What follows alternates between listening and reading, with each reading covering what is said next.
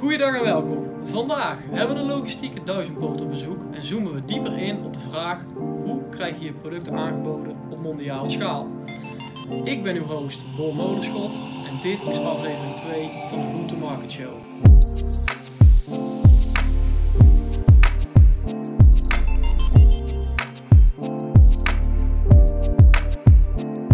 Stefan, welkom. Uh, het tweede aflevering van de Go to Market Show. Ehm, we gaan het zeker eventjes hebben over de route markt van UDB en de merken die jullie voeren en wat daar allemaal een beetje bij komt kijken. Maar ik denk dat het misschien goed is voordat we dat doen, dat je even een beetje een beeld probeert te scheppen in een paar minuten van wie ben je, wat heb je gedaan, wat is je rol nu en hoe ben je gekomen waar je nu zit. Nou, dat kan ik wel even vertellen inderdaad. Nou, ik ben dus uh, Stefan Pot. Ik uh, werk bij United Breweries als uh, demand planner. Um, mijn achtergrond is dat ik daar al sinds uh, 2001 werk ik bij uh, UDB. Voorheen eigenlijk bij de Oranjeboom Brouwerij. Uh, die is natuurlijk in 2004 gesloten. Daarna werd het stukje export zelfstandig. En daar werk ik dan al sinds 2007. Ben er even twee jaar tussenuit geweest. wat andere bedrijven gezien. Maar sinds ja, 1 maart weer in dienst op de afdeling demand planning. Ja, ja, dat is al een hele tijd. Hè. Voor mij is dat natuurlijk geen nieuws, maar het geeft wel denk ik een beetje een beeld voor uh, het publiek, zal ik maar zeggen. Dat, uh, ja, er zit wel wat ervaring aan jouw kant, zullen we maar zeggen. Maar die overgang, dat vind ik wel interessant, dat wist ik ook niet. Die overgang van Oranjeboom naar toen UDB, zal ik maar zeggen. Wat, wat, wat hield dat voor jou dan in? Wat was je rol daar en hoe, hoe ging dat toen? Kun je daar eens een beetje iets van toelichten? Ja, ja zeker. In uh, 2001 uh, was ik nog student. Toen ben ik eigenlijk ja, via een uitzendbureau terechtgekomen bij uh, de Oranjeboombrouwerij. In Breda? Toen? In Breda nog, ja. Mhm. Mm -hmm. ja, ja. Waar echt gewoon, ja, stond echt gewoon nog een mooie brouwerij. Ja. En uh, ja, als je dan, dan s ochtends op het fietsje aankwam, dan rook je zeg maar uh, die uh, bostellucht. ja, En ja. de eerste keer denk je van, oh wat stinkt daar? En daarna ga je eraan wennen. En, ja, en nu, uh, er is geen brouwerij meer en nu mis je het zeg maar zelfs Ja. een beetje. Dat geloof ik, dat Ja. geloof ik, ja. Dus ik ben er eigenlijk binnengekomen op de afdeling inkoop. Deed ik gewoon inkooporders maken voor ja, alles wat met bier te maken heeft. Uh, van uh, verpakkingsmaterialen, grondstoffen en uh, ook reclameuitingen. Daar ben ik een beetje zo in, in doorgegroeid en na mijn studie ben ik daar eigenlijk gewoon ja, blijven hangen. Um, op een gegeven moment ja, werd de brouwerij ging sluiten. Um, toen ben ik gevraagd bij United Breweries, waarheen heet het de Verenigde Bierbrouwerijen. dus het is eigenlijk een hele mooie vertaling geweest ja. Ja, van de naam. Um, daar ben ik eigenlijk begonnen als verpakkingsspecialist. Um, ik was eigenlijk zeg maar ja, een speel tussen uh, de brouwerijen die we destijds al hadden. Uh, en we hadden ook een uh, reclamebureau, twee externe reclamebureaus. En ik deed dan zeg maar de vertaalslag tussen wat de klant wil en wat het designbureau opmaakt. Dus qua teksten, het stukje legal, alles wat er eigenlijk een beetje bij kon kijken. Oh, maar je zat dus bij Breda en je moest dat hele stukje legal, want het was tussen de reclamebureaus en uh, de klant bij jullie. En jouw rol was dan exact wat? Echt het opmaken ook van de verpakking of zo? Nee, de, de opmaak van verpakkingen dat uh, gebeurde dan via de twee designbureaus die we mm -hmm. extern hadden.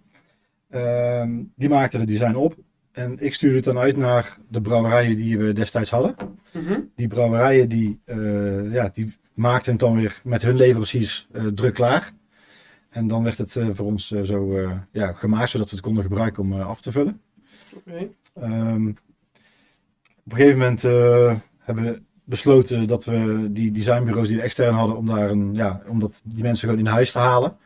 Omdat je toch erg afhankelijk bent van ja, de designer die daar zit. Ja. Uh, je bent niet de belangrijkste klant.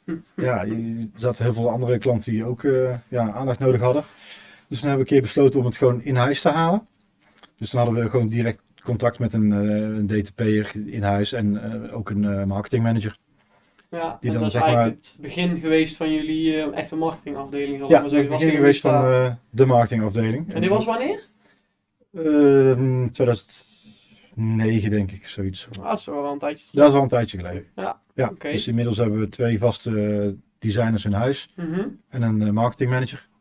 En die uh, bepaalt eigenlijk een beetje de richtlijnen uh, wat, we, wat we willen met merken. Of de tijd wordt voor een redesign. Of, uh, of dat we een nieuw product gaan ontwikkelen. Dus die, die zijn daar een beetje mee bezig. En vanuit onze hoek, zeg maar, het demand planning stuk, proberen we dat zo goed mogelijk ja, in gang te schieten. Ja, is het wat Ja. het idee eigenlijk en daar de werkelijkheid van maken, dat plannen, eh, dat eh, gaan regisseren, heel dat proces en dan Ja. voornamelijk de logistieke kant daar misschien van. Eh, nou, ja, we zitten eigenlijk ehm, bij de hele ontwikkeling van een project. Daar, daar zitten wij als demand planner zitten we daar ook bij. Oké, Dus vanaf de opbouw van, een, van iets nieuws worden wij er al gelijk wel bij betrokken. Eh, we hebben natuurlijk geen eigen brouwerij. We hebben een brouwerijtje of eh, twaalf in Europa zitten die voor ons afvullen. En eh, zitten die allemaal in, verschillende landen? Of moet zit er ergens een zwaartepunt eh, in dat stukje? Eh, nou, in Frankrijk zitten twee brouwerijen die ongeveer 60% van onze eh, artikelen doet. Oké, Dan hebben we in Duitsland nog een paar brouwerijen. In Engeland hebben we nog een paar brouwerijen. Ehm, dus het is echt wel Europa. Ja. echt verdeeld wel. Dat is echt, misschien ja. ook een beetje risicospreiding en wel Ja. een strategische afweging geweest. Ehm, het is eh, welke klant heb je? Eh, wat voor soort bier zou hij graag willen, de klant? Eh, welke verpakkingssoort moet daaromheen? Eh, en al die factoren die bepalen uiteindelijk de keuze voor een brouwerij. Ja, ja daar kan ik me iets bij voorstellen inderdaad. Hey, en als je dan even terugflitst naar eh, circa 2009, waarin dan die transitie eigenlijk een beetje plaatsvindt, waarin jij eerst eh, een soort tussenschakel bent, hè, tussen externe reclamebureaus, maar daarna vanaf dan wordt eigenlijk besloten van oké, we gaan dat stukje voor een gedeelte in ieder geval in huis halen. Verandert dan op dat moment jouw rol ook acuut? Of is dat ook in een soort transitiefase eh, gegroeid naar iets anders? Hoe, Nee, de, de rol is eh, destijds was eigenlijk gewoon hetzelfde. Mhm. Eh, alleen de contacten die je- eerst met een externe partij hebt, ja, dat wordt nu veel kortere lijntjes allemaal. Je kan veel sneller schakelen. Ehm, en het idee van, je bent afhankelijk van een designbureau die moet gaan meedenken met hoe ziet jouw merk eruit en welke kant wil je op met een merk. Mhm. En het is soms toch heel moeilijk uit te leggen aan een designer wat een bedrijf wil. Ja, Ja, ja, ons wat. Ja, ja. Ja. dat valt niet altijd Dus- mee. Nee. Eh, dat, dat is ook een reden geweest om te zeggen van nou, we, we halen gewoon mensen in huis die hele dagen bezig zijn met eh, bier, met jouw product, met jouw merken, de uitstraling van die merken en welke, welke kant willen we daarmee op. Ehm, dus en, en ja, het schakelt natuurlijk ook veel sneller als je zegt van eh, de barcode die eh, staat niet goed of is niet scanbaar of de tekst Van is fout. kleine futiliteiten Ja. die je gewoon nu, je loopt even, nou ja, nu even niet natuurlijk met corona, maar normaliter loop je even naar iemand toe en het is eh, snel Ja, je binnen, ja. je, je laat een printje zien van, eh, nou hier, kijk dat, dat, dat staat niet goed, dat staat niet lekker, pas het even aan en we kunnen verder. En dat was eerst een telefoontje en wachten en in het rijtje aansluiten. Ja. En ja, Ja. dus het is vooral misschien ook een stukje snelheid en flexibiliteit. Je snelheid, flexibiliteit, maar ook kosten. Ja. Heel veel, want eh, ja, Dat geloof ik wel, ja. mensen in dienst nemen die fulltime designen voor je, is wat goedkoper dan iedere keer opdrachtjes moeten uitsturen voor een aanpassing op een design. Ehm, dus dat is zo'n beetje 2009 inderdaad. Eh, persoonlijk eh, deed ik toen dus voornamelijk ontwikkeling van designs, het uitsturen, het opvolgen, zorgen dat het bij de brouwerij allemaal komt te liggen, zodat het allemaal gewoon tijd verpakt kan worden. Daarnaast deed ik ook nog een stuk demand planning. Alleen bij UDB is vanaf 2008 zie je echt een flinke groei vanaf de opstart tot waar we nu zijn. Eh, en op een gegeven moment is het gewoon niet meer te behappen qua hoeveelheid werk. En dan moet er gewoon een keuze gemaakt worden, want het is heel veel nieuwe producten, heel veel ontwikkelingen. Ook heel veel nieuwe brouwerijen zijn erbij gekomen. Dus uiteindelijk heb ik de keuze gemaakt voor demand planning. En is het stukje design ontwikkeling is ook weer echt bij de afdeling marketing terechtgekomen. Ja, dus je bent steeds minder een manetje van alles geworden. Je bent steeds meer gaan focussen of ja, specialiseren, een beetje hoe je het wil noemen. Echt één stukje. En de marketeers zijn de marketeers.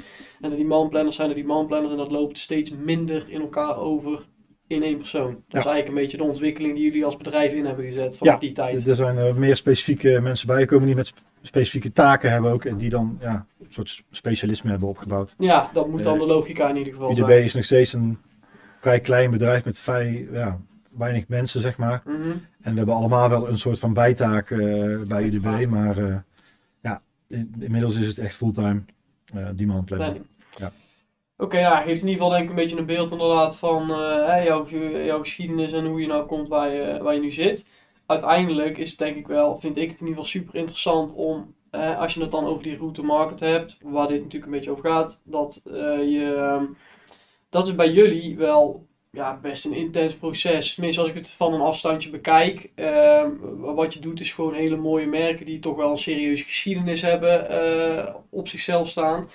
Ja, je zorgt er eigenlijk gewoon voor dat die mondiaal beschikbaar worden. Ja. En ehm, ik vind het heel leuk om dan ook daar weer even ja, bijna van A tot Z een beetje uit, eh, in elkaar, eh, uit, in, uit elkaar te knippen, zal ik maar zeggen. En dat begint eigenlijk, denk ik, bij de brouwerijen bij jullie. Daar is de start van het product. Ja. En het zit daar misschien al voor, want er moeten al een soort van eh halffabrikaten en verpakkingen. En er moet er allemaal al zijn voordat die iets kunnen gaan doen. Dan Ja. kun je daar eens, dat, begin eens een beetje proberen te omschrijven.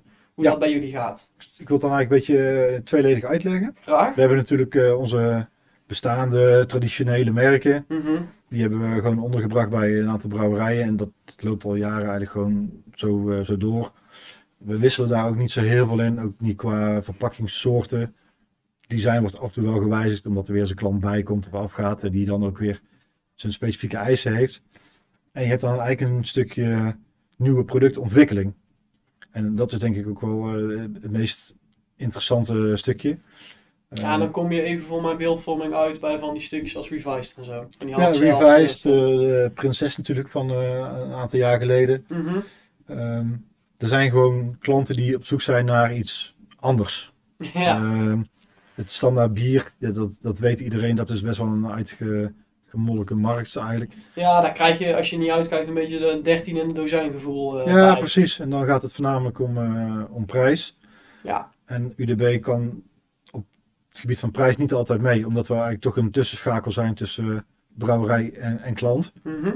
De, de sterke kant van UDB is natuurlijk dat we gewoon heel veel soorten bier kunnen leveren. Van heel veel brouwerijen in heel veel verpakkingssoorten. ja eh, En als je dan ja, daar een mooie eh, reeks van kan wegzetten. dat is voor heel veel klanten is dat natuurlijk wel heel erg aantrekkelijk. Ja, dat, ik denk wat jullie kracht zeker op dat gebied is dat je gewoon een super uitgebreid portfolio hebt.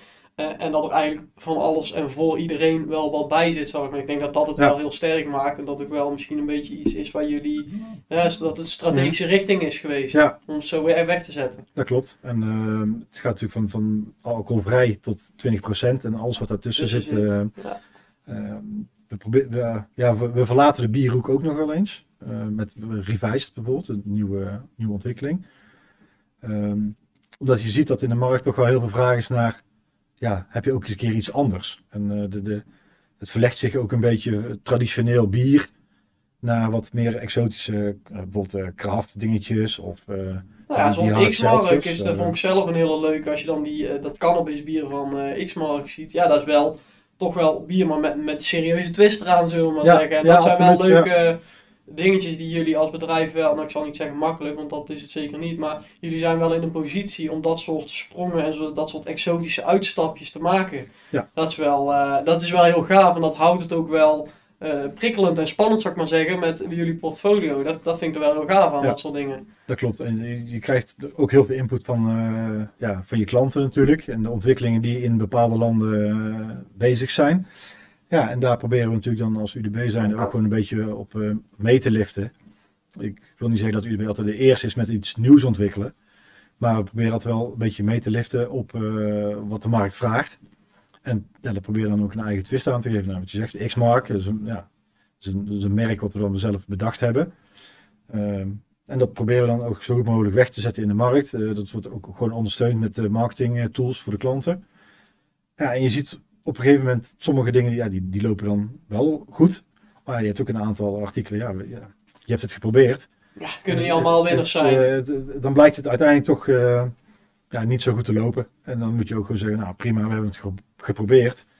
En eh, op naar de volgende. op naar de volgende. ja, ja, zo moet het ook een Ja. beetje werken in een gezond bedrijf, denk ik. Ja. Hey, en, ehm, en je begint dan eh, bij die brouwerijen, daar komen uh, spullen aan. Je hebt een gedeelte van het portfolio wat inderdaad een beetje een soort routinematig is geworden. Maar zeker bijvoorbeeld dan, als je het over die nieuwe producten hebt, denk aan een X-Mark, denk aan zo'n revised eh eh, seltzer. Hoe, hoe- kun je me eens een beetje meenemen in zo'n proces dan? En dan het begint ergens, vervolgens gaat dat naar productie, moet dat uit. Kun je me daar eens een beetje een eh, beeld, van, beeld van schetsen? Ja, tuurlijk, tuurlijk. We hebben namelijk eh, iedere week eh, een meeting. En dat gaat eigenlijk al mee- alleen maar over nieuwe producten of aanpassingen op eh, producten. Oké. Maar ik zal het stukje nieuwe producten dan even da- daaruit halen. We hebben acht of negen sales managers. Mhm. Die dan de hele wereld eigenlijk een beetje rondreizen. Ja, nu met corona zitten natuurlijk heel veel mensen vanuit huis te werken. Ja, ja logisch. Ehm, maar die gaan dus heel vaak in gesprek met klanten. En ja, de klanten hebben een bepaalde portfolio. En ja, voor de salesman is het natuurlijk een beetje een uitdaging om ook af en toe wat anders aan te kunnen bieden. Of dat de klant komt met van, nou ja, ik, ik vind jouw merk, bijvoorbeeld, eh, we hebben vind ik heel erg interessant. Daar zou ik best wel een, eh, een, ja, in plaats van een bier en een uh, bijvoorbeeld ook een soort radler van willen hebben.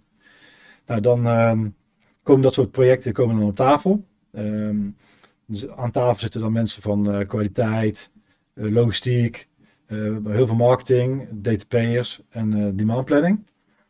En dan, ja, dan begint dat proces een beetje eh, te leven.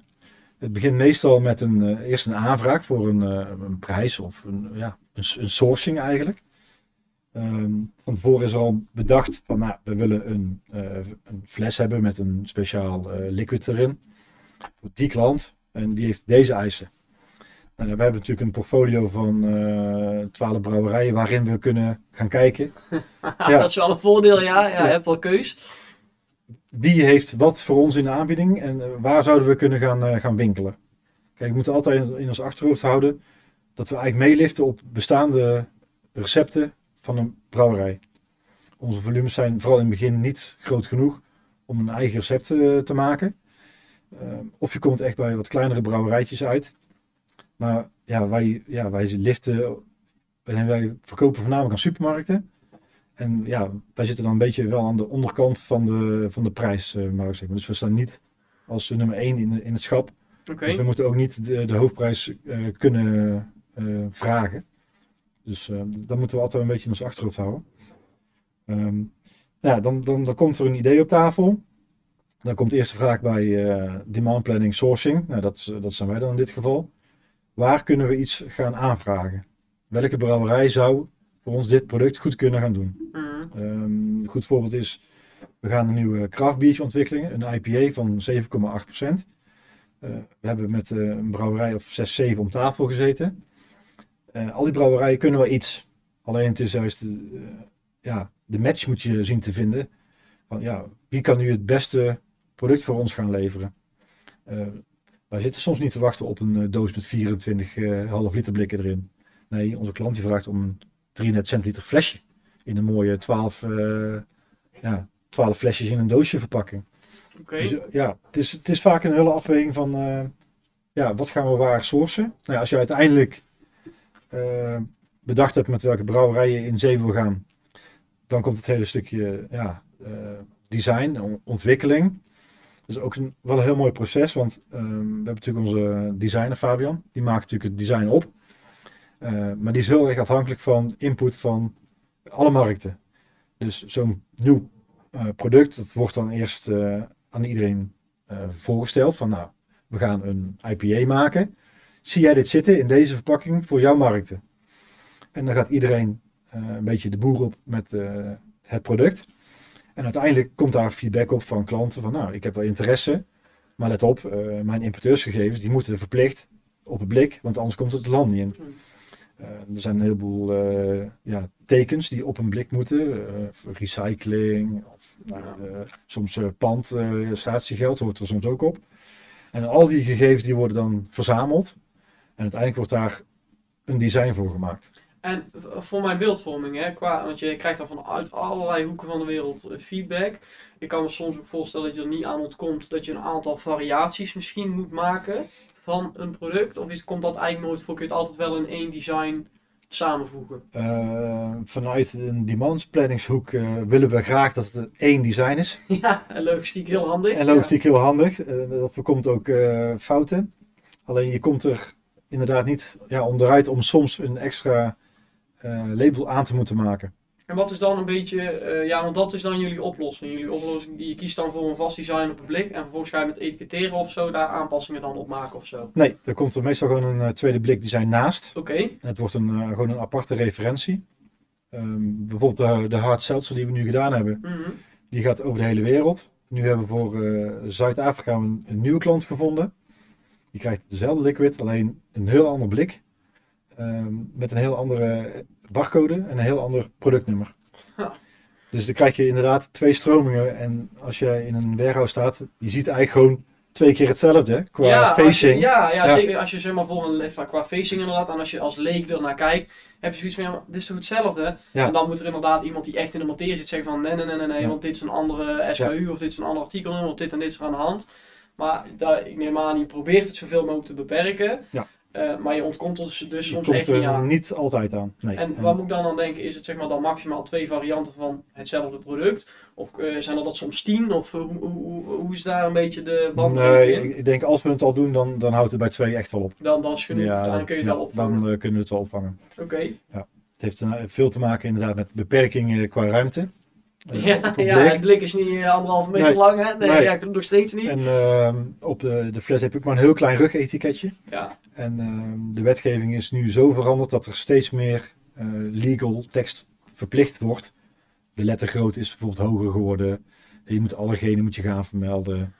Eh, ja, het, het, ja, de ruimte die je hebt, die is gewoon beperkt. ja, En ehm, we verkopen heel veel in het eh, Midden-Oosten. En die hebben heel veel eh, qua wetgeving andere regels dan eh, hier in Europa.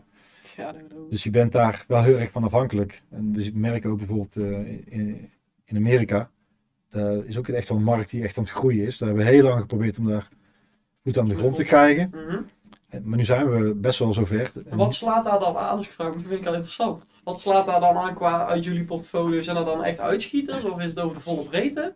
Ja, het, het is eigenlijk wel eh, van alles en nog wat. Ehm, je ziet nu heel veel aanvragen komen voor een eh, 440 centiliter blik.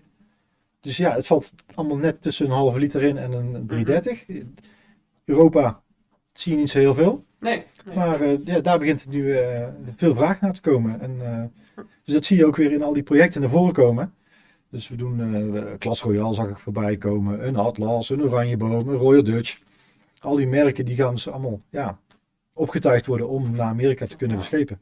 En dan krijg je dus weer datzelfde verhaal inderdaad, van dat je misschien eh, eh, meerdere eh, artikelen krijgt van hetzelfde product. Dus je hebt dan iets Ja. voor de Amerikaanse markt, iets voor de Europese markt misschien, een beetje dat, dat, zo Ja, moet dat dat zou, dan dus, zien. ja, dat zou er allemaal kunnen gaan gebeuren. Nu is het in dit geval is het specifiek voor Amerika, maar je ziet ook wel heel vaak dat sales managers later aansluiten en zeggen, oh, dat, ja, dat is eigenlijk wel een mooi product. en dat ze zeggen van ja, maar ja, zoals die verpakking nu is, dat past niet in die markt. Mhm. En dan zie je inderdaad dat je gaat, eh, ja, gewoon nog een SKU ernaast gaat optuigen, maar dan voor een andere markt. En Dus- ik neem aan dat daar zit een soort van onderkant in qua eh, het- het minimumvolume voordat het interessant is om zo'n eh, Ja. zo'n project op te starten. Ehm, als, als je naar de aanvragen kijkt, zal ik maar zeggen, waarbij dat dan een overweging is. Hoeveel van die aanvragen gaan er dan wel door en niet door, afhankelijk van volume? Kun je dat in een procent of zo een beetje verdelen? Ja, het is moeilijk. Eh, je spreekt van tevoren sowieso een hurdle af, intern, Mhm. van oké, we willen best een nieuw product Boven dit. opstarten. Maar je moet bijvoorbeeld 1500 hectoliter doen per jaar om dat product rendabel te houden. Ja, En om het in ieder geval een kans te geven. Nou, het eerste jaar dan, ja, dan is het altijd een beetje zoeken van ja, hoe gaat het lopen. Want ja, je kan van tevoren zeggen, ik ga dat doen. Maar uiteindelijk moet de klant het wel kunnen verkopen. ja, zo is En het. dat moet ook wel ergens een keer aanslaan natuurlijk. Dus we krijgen meestal wel een, een- zo'n jaar de tijd zeg maar om te kijken of het, of het levensvatbaar is. Oké, En dan eh, in jaar 2, 3, dan gaan we echt de gegevens eventjes erbij pakken. Om te kijken van oké, dit project dat loopt nu een tijdje, het is in de markt. Maar wat doet het nu echt fysiek qua verkopen? Als dat gigantisch achterblijft en eh, we zien er geen potentie meer in, dan zeggen we ook van oké, hier moeten we dan gewoon mee stoppen. Dan gaan we de verpakkingsmaterialen gewoon netjes opmaken en dan zeggen we tegen de klant, ja, laatste run Dit- en dit- eh, that's it. that's it. Ehm, Ja, we kunnen altijd iets anders aanbieden, dus dat is ook geen probleem. Maar je moet op een gegeven moment wel kunnen zeggen van ja, nee, dit gaat hem gewoon niet worden. Je probeert natuurlijk gewoon optimistisch en positief naar zo'n situatie te kijken, maar ergens moet er inderdaad gewoon een lijn in het zand getrokken worden van tot hier en niet verder. En dan zijn er gelukkig bij jullie een hoop alternatieven om uit te kiezen. Ja. Dus daar dat is denk ik wel een fijne positie dan om in te zitten. Ja, absoluut. En eh, je bent natuurlijk ook van eh, de brouwerij een beetje afhankelijk. Want een brouwerij, eh, wij hebben grote brouwerijen. En die gaan echt niet voor eh, een paar pallets gaan ze iets opstarten. Dus je, bent ook afhankelijk van eh, productieruns. Ja, En die zitten meestal ja, beetje productafhankelijk, maar rond de 600 hectoliter, zeg maar zo'n oké. beetje. Vanaf dan is het interessant, zou ik maar zeggen, en staan ze Ja. open om een run in te plannen. Ja, dus wij moeten minimale batches wel gaan eh, afvullen. Dus, eh, En zit er dan ook nog verschil voor zo'n eh, brouwerij als je zegt, ja, we willen die 600 hectoliter of 700 cel, dat is prima.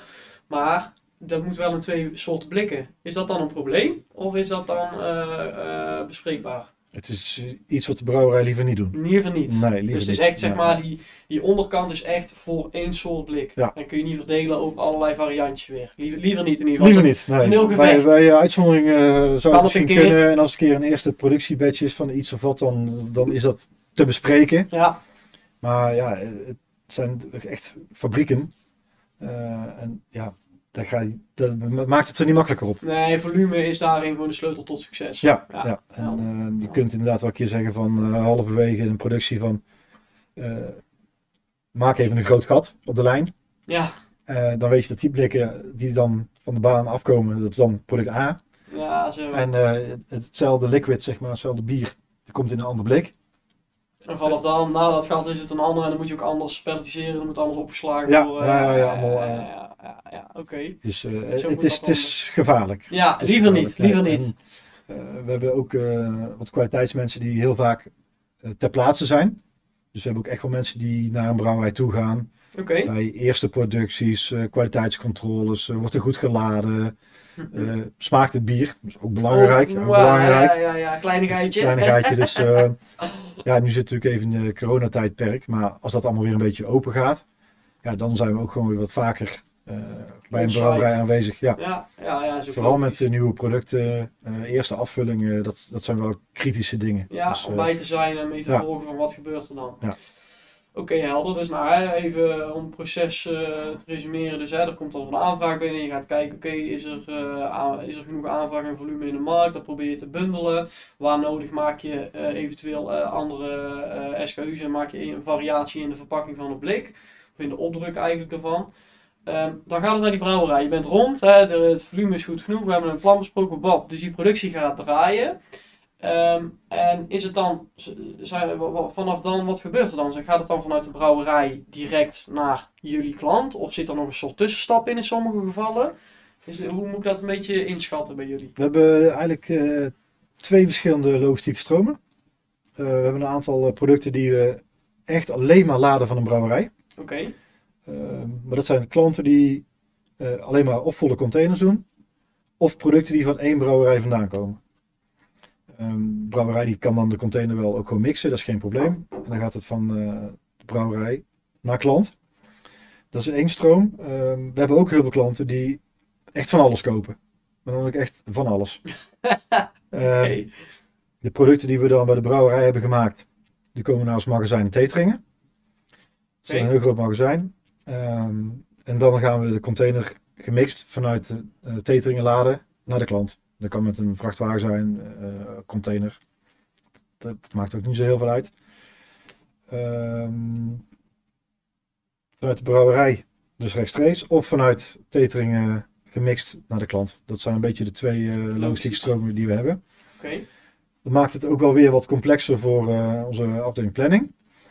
Want we hebben daarvoor twee verschillende artikelnummers.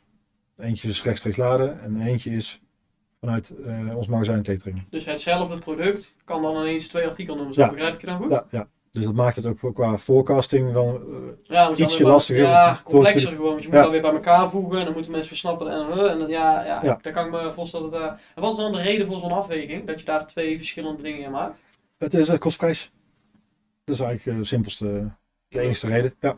Oké. Dus, Hey, en eh, want ja, dat, dat heel dat transport even voor de beeldvorming, dat hebben jullie zelf helemaal in handen. Dus jullie zijn dan in Ja. veel gevallen denk ik verantwoordelijk voor oké, van brouwerij tot aan de voordeur bij de klant. eh, ja, het ligt ook weer aan de afspraken die de sales manager gemaakt heeft met de klant. Want de klant wil dat soms in eigen regie houden of zo. Er zijn, eh, we, we hebben eigen voorwaarders, eh, onze, ja, onze eigen toeleveranciers, zeg maar, die, die hebben wij. Alleen er kunnen ook klanten zijn die zeggen van, nou ja, met die voorwaarden die gaan we niet gebruiken. Mhm. Wij hebben deze en we willen graag dat jullie deze gaan gebruiken. Nou, dat is dan een overweging. Mhm.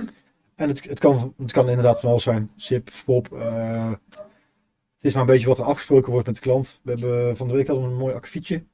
We hebben een container staan. eh, Noord-Afrika. Aan de haven. En daar houdt eigenlijk onze verantwoording op. Oké. Alleen die moet van eh, Noord-Afrika 2500 kilometer verder. Over onverharde wegen Land in. het land in. En het komt eraan en de containerdeur gaat open. En je ziet eigenlijk alleen maar veel schades. Ja, die wegen zijn daar zo slecht. Waar Ja, houdt het ja, dan op? Dus de klant die probeert dan toch wel via UDB ja, te zeggen van ja, eh, kijk hoe het eruit ziet. Maar ja, op papier, eh, Is het tot de haven? tot de haven. En En d- daar- dan houdt eigenlijk de verantwoordelijkheid op. Dus eh, dat zijn wel eh, ja, de uitdagingen die, we soms, eh, ja, die we soms hebben. Godsamme, Dus, ja, dat ja. geloof ik.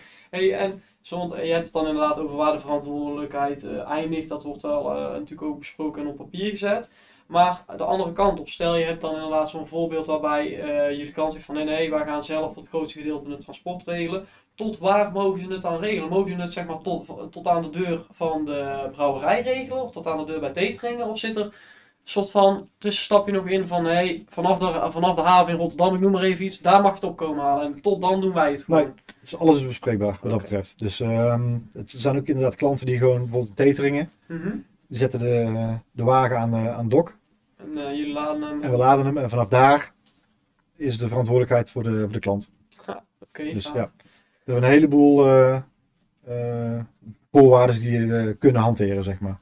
Ja, dat geloof ik. Dat geloof ik. Daar hangt ook een heel documentatieteam eh, bij UDB aan vast. Die alle documenten ook eh, zeg maar opmaken. Ja, een stukje Dus, eh, legal hoort daar uiteindelijk denk ik ook Ja, bij. hoort in er ook sommige bij. gevallen. Ja, Ja, dat geloof ik. Klopt. Ja. Hey, en als je dan naar die eh route market kijkt, want daar heb je dus eigenlijk een soort van twee stromen in bij jullie. Ehm, wat is nou vanuit jouw positie bekeken daarin de grootste uitdaging die je dan tegenkomt? Waar heb je het meeste werk mee? Waar is het meest complex om aan te pakken in zo'n proces? Ehm, vaak om toch het bier eh, op tijd eh, ge- gebrouwen te hebben. Je merkt vooral zeg maar in deze periode, dus zeg maar maart, april, mei, dat dat echt de piek is. En dat zie je bij alle brouwerijen. Want iedereen wil zijn bier op tijd binnen hebben voordat de zon weer gaat schijnen en iedereen het terras op gaat. Dus dit moment is zeg maar echt het op tijd de voorraad hebben of geproduceerd hebben. Dat, dat is nu even de grootste uitdaging. Maar de uitdaging bijvoorbeeld eh, op, eh, op nieuwe producten is dat je bijvoorbeeld een, een, een tijdlijn schept van oké, we hebben een idee en we hebben een product. En daarin wordt natuurlijk een hele ja, tijdlijn beschreven. Alleen waar, je zie- je ziet gewoon heel vaak dat er in het stukje ontwikkeling van design Mhm. en de input van de klanten of van eh, het legal stukje van een land en, of de registratie van een product, dat daar gewoon heel veel extra tijd in opgaat. En eh, ze- gaat daar dan veel tijd mee verloren omdat er eh, het lang duurt, maar zeggen, dat je feedback krijgt of zo? Of is dat gewoon een heel uitgebreid proces? Waar zit dan de angel in dat verhaal? Het is vaak eh, feedback van, eh, van de klant. Waar je op zit te wachten Ja, en ja, het duurt ja, en het duurt herduurt. en het en, duurt en het moet allemaal besproken worden. En Ja, en moet terug. Je, Ja. en je kunt niet verder voordat je dan... dat, dat gaat gewoon niet. nee. Ehm, Oké, iedereen heeft zijn eigen timings. Ergens gaat dat soms een keer ja, scheef. En als, dan, als je dan echt een harde introductie hebt, ja, dan is dat natuurlijk wel een hele grote uitdaging om dat te, redden. ja. En we hebben bijvoorbeeld ook in het Midden-Oosten, zijn we ook heel erg afhankelijk van de Ramadan. Want Ja. als, je, als je net daarvoor iets wil gaan regelen, dan ben je gewoon te laat. En dan ben je gewoon zo weer eh, vier weken verder. Ja, Dus dat, zijn wel, eh, dan, ja. dan Ramadan is er eentje, maar ze zijn natuurlijk wel meer te bedenken. Ik bedoel, eh, Chinees nieuwjaar en... met Chinees allemaal- nieuwjaar is ook altijd een uitdaging. Ja, ja, er heel, over Ja. heel de wereld natuurlijk allerlei momenten waarin eh, ja, de wereld eventjes een beetje soort van stilstaat bijna. Maar dat is wel weer het leuke van UDB. Je, je komt zeg maar in eh, 100 plus landen, heb je klanten zitten. Mhm. Ja, en ja, je leert ook wat meer van de wereld. En Ja. dat vind ik eigenlijk wel heel erg interessant. Dat triggert jou heel erg Ja. in, in je job, zal ik maar zeggen. Ja. En ook eh, zeg maar de contacten met, eh, met je sales managers die dan een keer op pad zijn geweest. En die komen dan met verhalen. En eh, we hebben ook iedere maand hebben we een update. Gewoon een algemene update. Het gaat niet alleen maar over cijfers en hoe ze het gedaan hebben en zo. Maar er komen dan ook zeg maar verhalen van sales managers van, uit, de markt. Ja, waarom bepaalde dingen gebeuren. En die nemen ook wel eens foto's mee. En weet je, dan begint het ook voor jezelf wat meer te leven. Ja, dat geloof ik. Want je Ja. zit natuurlijk heel erg, eh, kan ik vol, zo voorstellen in jouw positie, heel erg vanuit eh, kantoor in Breda of inmiddels dan thuis natuurlijk voor een groot gedeelte. ook. Ja. Eh, en het is allemaal op beeldscherm, het is allemaal op afstand en je, je werkt je eigenlijk kloten van je blok zal ik maar zeggen, maar je ziet nooit, je bent nooit echt direct bezig met het resultaat ervan en hoe komt het dan daar en dat je Nee, nee, het dat, eindresultaat ziet. nee. Dus eh, ja, wij, hebben dan het voordeel dat je eh, heel veel van onze dingen natuurlijk op Nederlandse wi- winkelvloeren eindigt. Dus dan zie je ook wel als je daaronder van, ah, oké, ja, dit komt Ja. ons. Dat is gaaf, zou ik maar zeggen. En daar krijg jij dan eigenlijk een beetje soort van via je sales managers terug. Ja, Maar dan wel over heel de wereld. Onze, onze klanten maken ook gewoon eh, foto's van hun schap, zeg maar. eh, Ja. En dan, ja, dat, dat sturen ze dan door. Ja, dan le- zo alle- leeft het dan toch een beetje voor Ja. je, zal ik maar zeggen. Ja, Ja, maar Ook, voor de rest van het bedrijf eh, natuurlijk. Dus, Ja, dat is wel goed denk dat je ook geconfronteerd wordt met het resultaat. Zeker als negatief is, dat gebeurt neem ik aan bijna altijd. Maar vooral ook als het juist positief is en het draait een keer goed zoals het... en je hebt net op het laatste moment toch kunnen halen wat aan de voorkant redelijk spannend was, zal ik maar zeggen. ja, dat is vaak de uitdaging inderdaad. Ja. Dus eh, ja, gaaf. dat is wel leuk van eh, mijn plannersrol, vind ik. ja dat Om snap het ik. uiteindelijk dan toch te regelen. Ja, en dan Dus, toch eh, aan het einde te zeggen van oké, we hebben het weer gefixt met z'n allen. Ja. Ja. en daar echt een belangrijk aandeel in te, eh, in te hebben. Ja, dat is wel gaaf. Ja, dat snap ik. Hey, en ehm, als je dan kijkt naar dat stukje van jullie route markt, oké, hebt de brouwerij en vanuit daar kan het dan direct met allerlei soms problemen komt het dan wel bij de klant. Maar je hebt ook een stukje van de brouwerij gaat het terug naar teteringen. eh, en daar zit in, veel geval, in sommige gevallen neem ik aan ook een stukje eh, value-added logistics bij. Dat je eh, waarde toe moet voegen aan het product. Er moet, ik noem maar iets andere etiket op. Het moet herverpakt worden in een andere verpakking. Hoe, hoe, hoe ziet dat proces er een beetje uit bij jullie? Hoe komt dat tot stand, zo'n probleem? Hoe ga je er dan mee om? Wat is jullie logica daar een beetje voor? Eh, nou, daar hebben we ook eh, legio van voorbeelden van. Ik zal er gewoon een, eentje uithalen. We hebben een nieuw product ontwikkeld. Dat is bijvoorbeeld die, die X-Mark. Die eh, hij staat er Mhm. nou even niet tussen, maar dat is een eh, product dat is helemaal ontwikkeld. Dat we hebben de markt ingezet.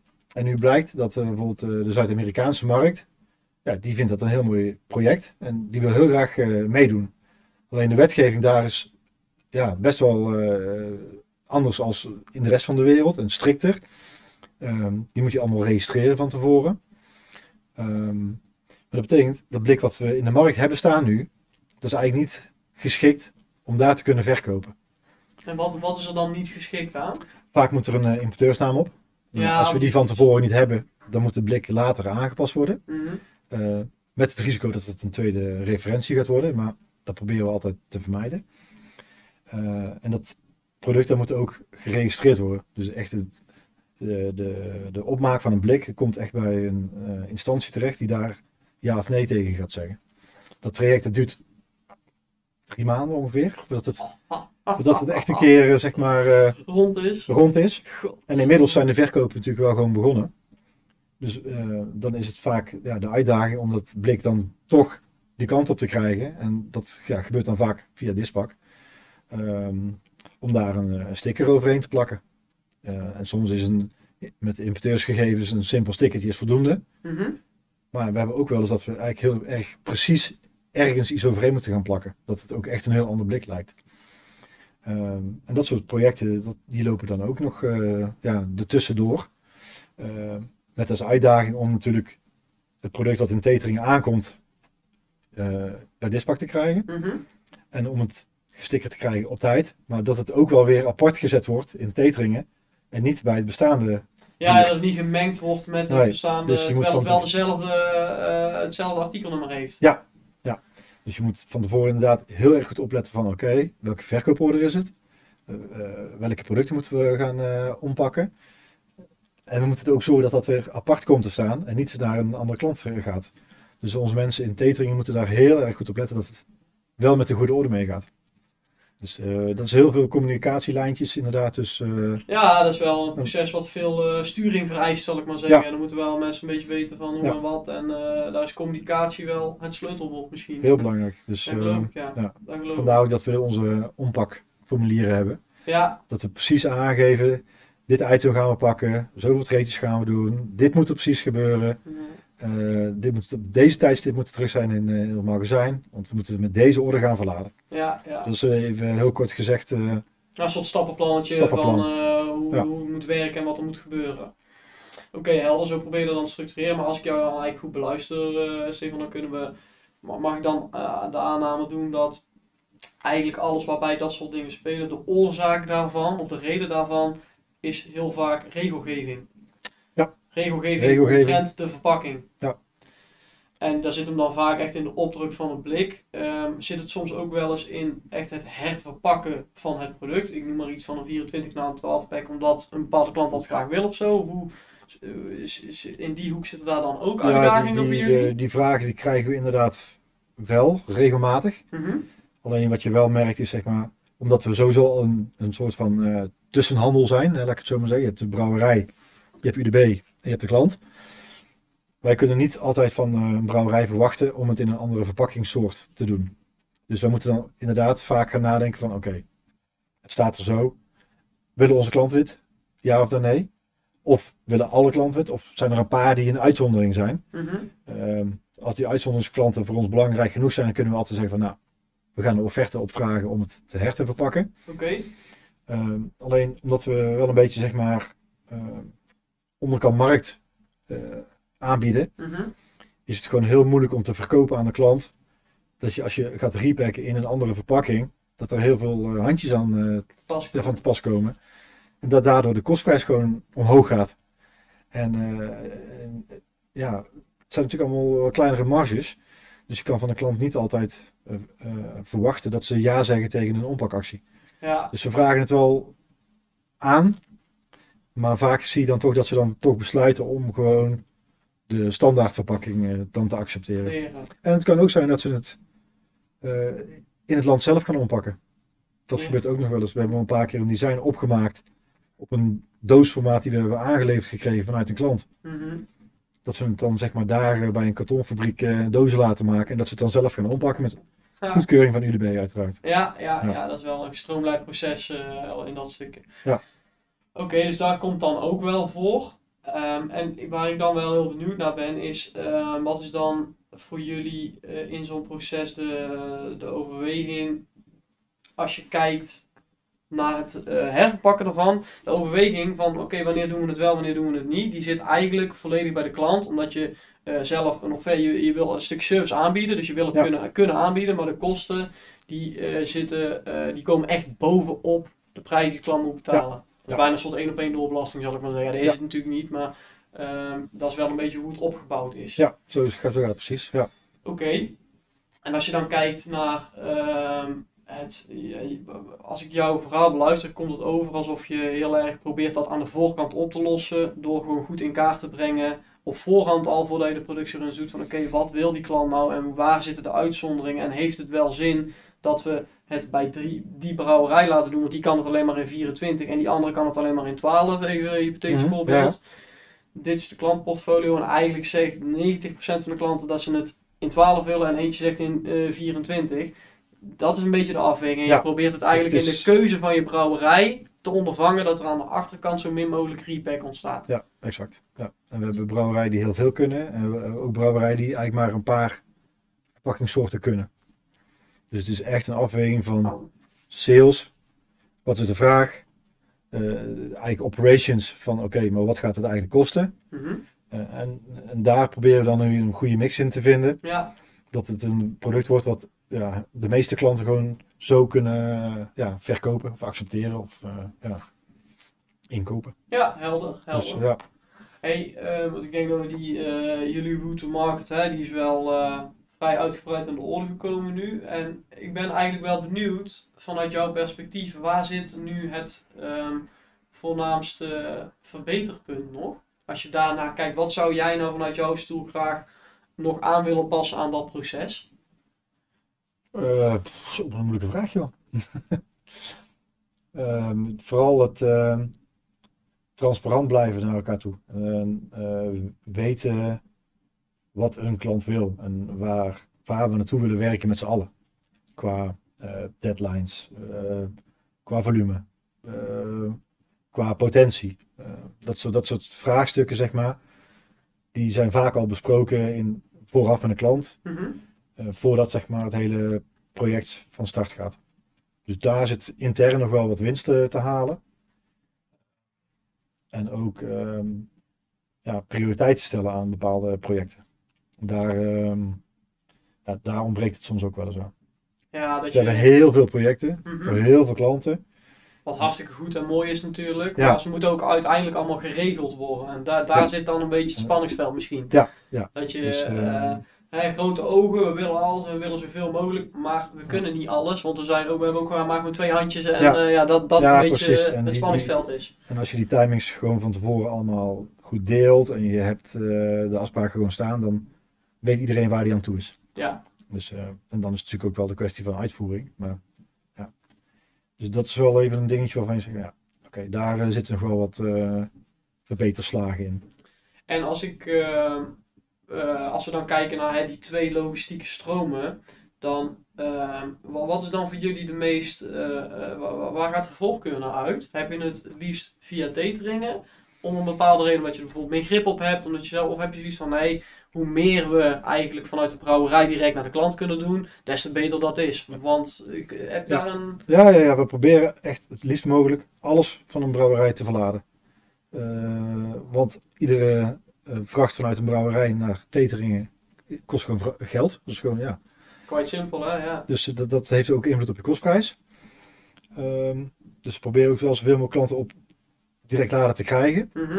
Ehm, toen we daar ooit mee zijn begonnen, ik denk 2008 of zo denk ik, was het 20% van een brouwerij en 80% vanuit Teteringen. Mhm. En inmiddels zijn we eh, 10 jaar verder. En dan zie je wel dat het eigenlijk een beetje omgedraaid is. Dat het nu 80% direct laden is.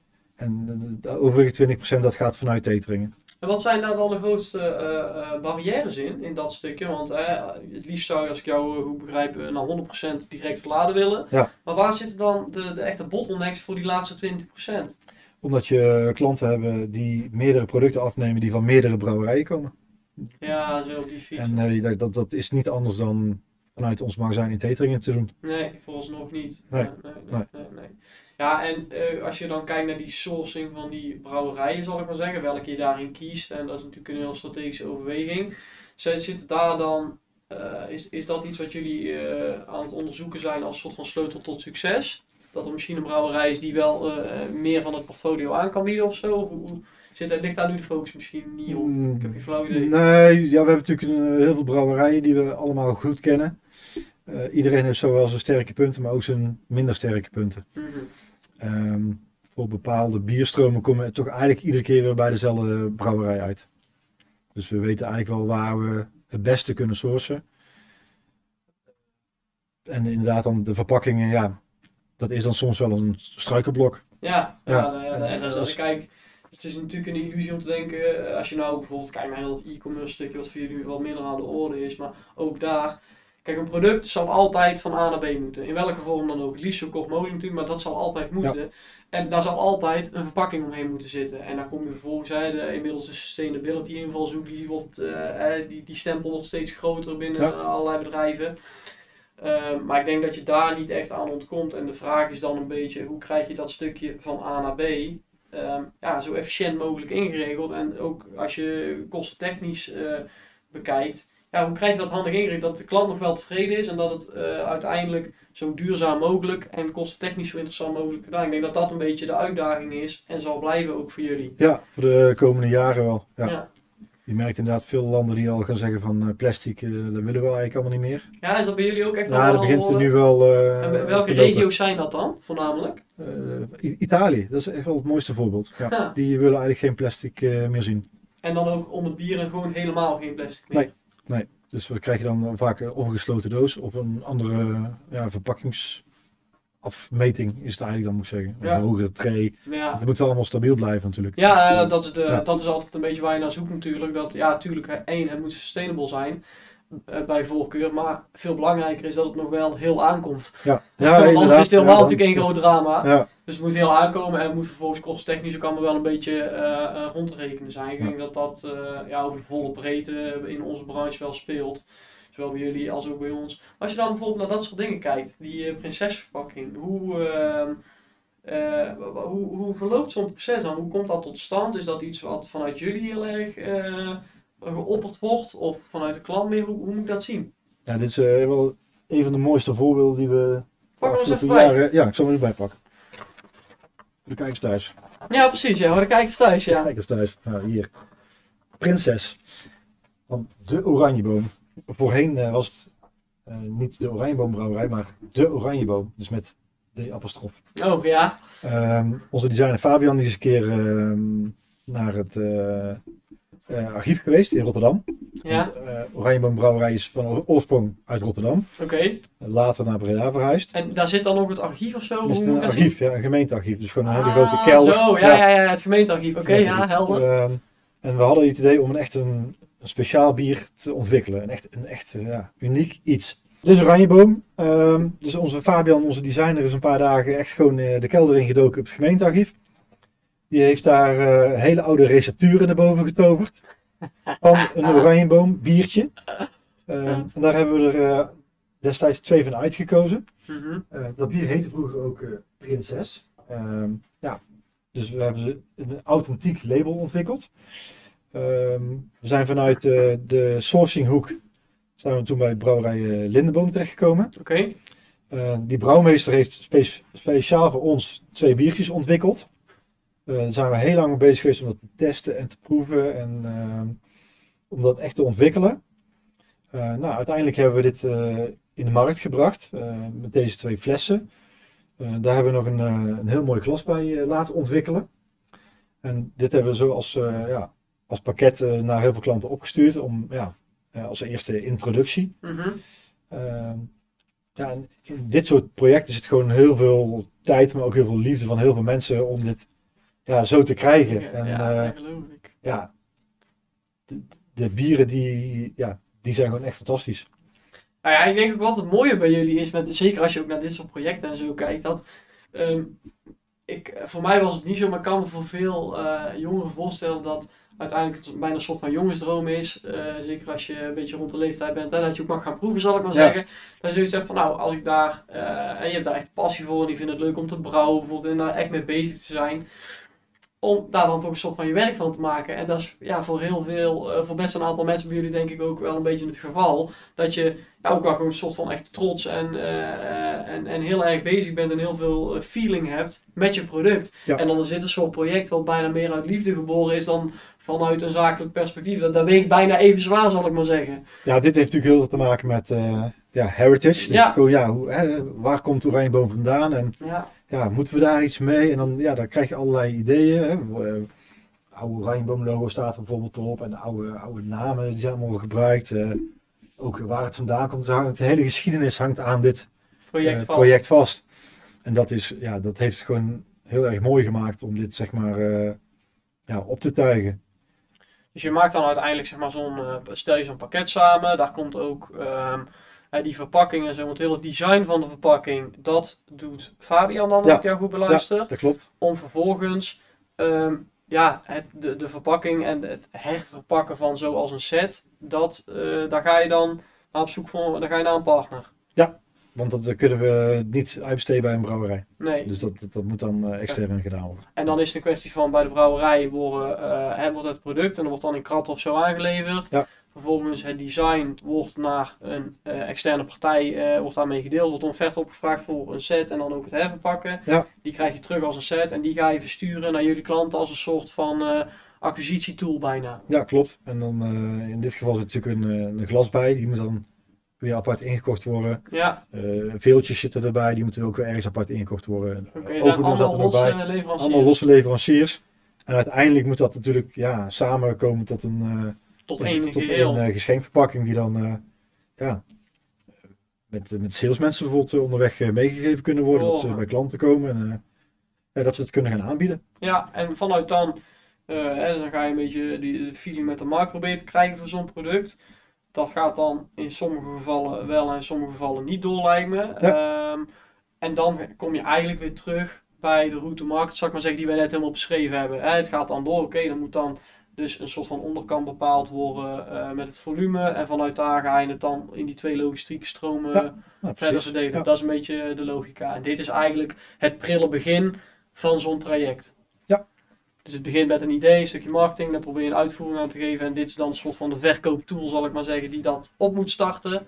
En dan gaat het lopen. Ja, we proberen heel vaak inderdaad eh, fysieke producten mee te geven met sales managers. Mhm. Maar ook eh, online tools om dingen te kunnen laten zien aan de klant. Ja, Dus eh, van, van website tot eh, ja, fysiek bier. Eigenlijk, we kunnen eigenlijk alles bieden aan de klant om te zeggen van nou kijk eens wat we voor jou hebben. Dit, dit kun je allemaal Dan zeg meedoen. maar, iets mee doen. En is het dan ook zo, Stefan, want het gaat natuurlijk in veel gevallen gewoon bij jullie om ehm hè, echt de blik en de fles en zo, maar is er ook een stroom binnen jullie bedrijf waarin het echt om dit soort eindverpakkingen gaat? Of is het van nee, dit is puur het idee, dit is het soort van sfeerbeeld wat we willen creëren, maar uiteindelijk gaat het ons gewoon om de flessen verhandelen. En dan komt Ja, uiteindelijk, uiteindelijk is het eh, volume. Ja, Alleen je nou, probeert de klant wel zeg maar gewoon geïnteresseerd te laten raken. en dat doe je op En dat doe je door middel van, eh, van een giftpack of eh, ja, sample kits maken we ook nog wel eens met diverse smaakjes bij elkaar.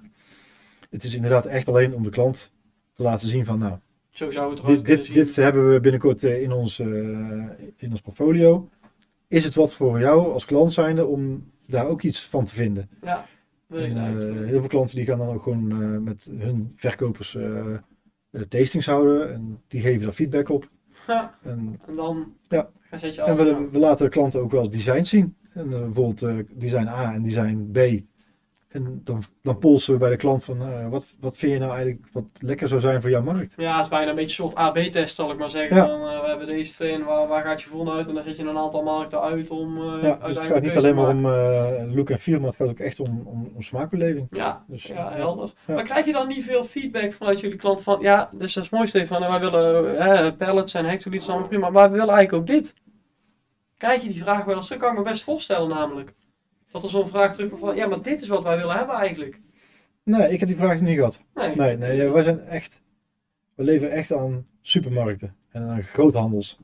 En die Ja. zetten pallets in een magazijn. En- Ja, dat is de logica. Ja, het, is geen eh, Bergmans eh, om de hoek die Nee, zegt van eh, nee. kijk eens wat een mooie geschenkpak Nee, gemaakt. nee, nee, nee, nee. Ja, ja oké, ik kon me toch wel voorstellen dat Ja. het misschien gebeurt, maar de, doelgroep is er gewoon niet naar. Nee, het is echt, Het is echt puur gewoon voor jullie verkoop ondersteunend materiaal Ja. richting jullie klanten. Ja. Oké, helder. Hey, ehm, wat ik eigenlijk altijd wel leuk vind om eh, af te sluiten is ehm, dat onze gast eigenlijk de vraag van de aflevering stelt. En dat kan over van alles gaan. Dat kan gaan over de route market, maar dat kan ook gaan over iets wat jij gewoon wil weten van het publiek in meer algemene zin. Mhm. Ehm, en ja, ik denk dat we hè, een vrij uitgebreide beschrijving nu hebben gehad en, eh, over hoe dat proces bij jullie gaat. En eigenlijk een beetje de vraag hebben geprobeerd te beantwoorden.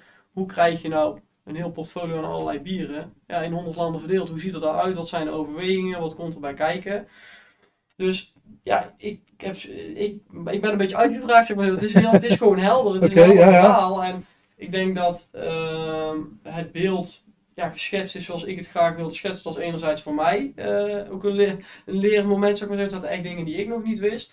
Maar uiteindelijk is dat natuurlijk ook zo voor, eh, hopelijk kijker, die wel een beetje een gevoel krijgt bij, ja oké, hartstikke mooi en ik zie van alles en ik zie allerlei producten. Maar wat is nou de route market die daar achter schuil gaat? En ja, iemand die daar toch wel veel ervaring in heeft, hoe, eh, dat hij daar een beetje een beeld van schetst. Dus ik zou graag af willen sluiten, eh, Stefan, met ja, jouw vraag van de aflevering aan het publiek. Oké, ehm, wat wij altijd interessant vinden is, waarom besluit een consument naar een supermarkt te gaan en ons bier uit de schap te halen? En- dat is een goeie. En dat, eh, dat zijn wel vragen die wij ons ja, bij iedere klant wel een beetje eh, stellen. Eh, en dat, dat zijn dingen waar je toch wel lastig achter komt. En dan is het echt de trigger in de supermarkt. Of Ja. dan misschien daarvoor zelfs al. Ja, waarom besluit je op dat moment dat ene hebben. biertje te pakken? Heeft dat te maken met hoe een bier eruit ziet? Of, of met de smaak die dat bier heeft? Of ja, op, op welk moment besluit je zoiets? En ja, dat lijkt me wel een leuke eh, afsluitende vraag. hartstikke goed. Nou, dat is dan ook de afsluiting. Dit was aflevering 2 van de Route Market Show. Ik bedank Stefan hartstikke voor zijn tijd en eh, tot de volgende keer. Graag gedaan.